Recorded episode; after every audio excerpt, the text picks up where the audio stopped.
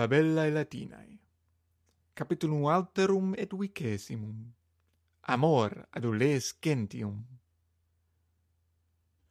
Iulius in peristulo suo magnifico quod columnis et signis deorum ornatur quo amico suo Cornelio loquitur.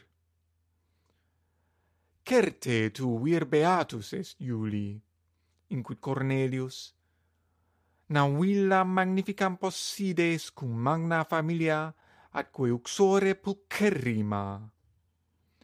Iulius Me uxor non pulcriores quam tua.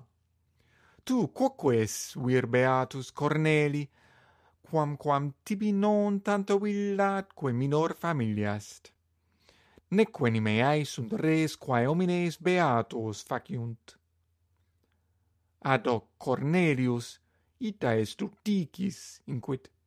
Sed vir paupera feminis divitibus non amator, neque virgo pauper amatora viris divitibus Iulius Immo, ego adolescens dives virginem pauperem amabam, nec vero abea amabar. Numqua abea salutabar, epistulae flores, quos ad eam mittebam, ad me remittebantur Itaque tristis eram ac miser.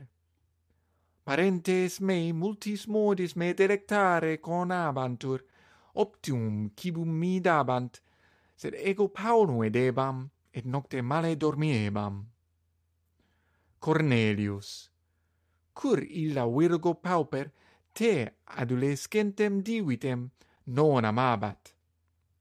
Julius. Quia alium virum divitem amabat, nec vero ab illo viro pessimo amabatur, quod virgo pauper erat. Cornelius. Qua erat illa virgo pauper? Julius.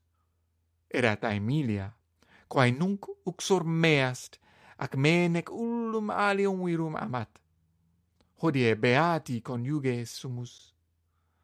Cornelius.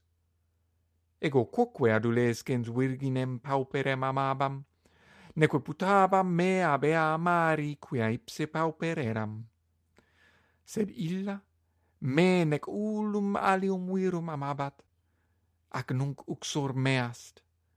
Nos beatissimi sumus coniuges, quamquam divites non sumus uxor mea mulier est optima ac pulcherrima. Iulius, uxor tua non melior neque pulchrior est, quam mea aemilia.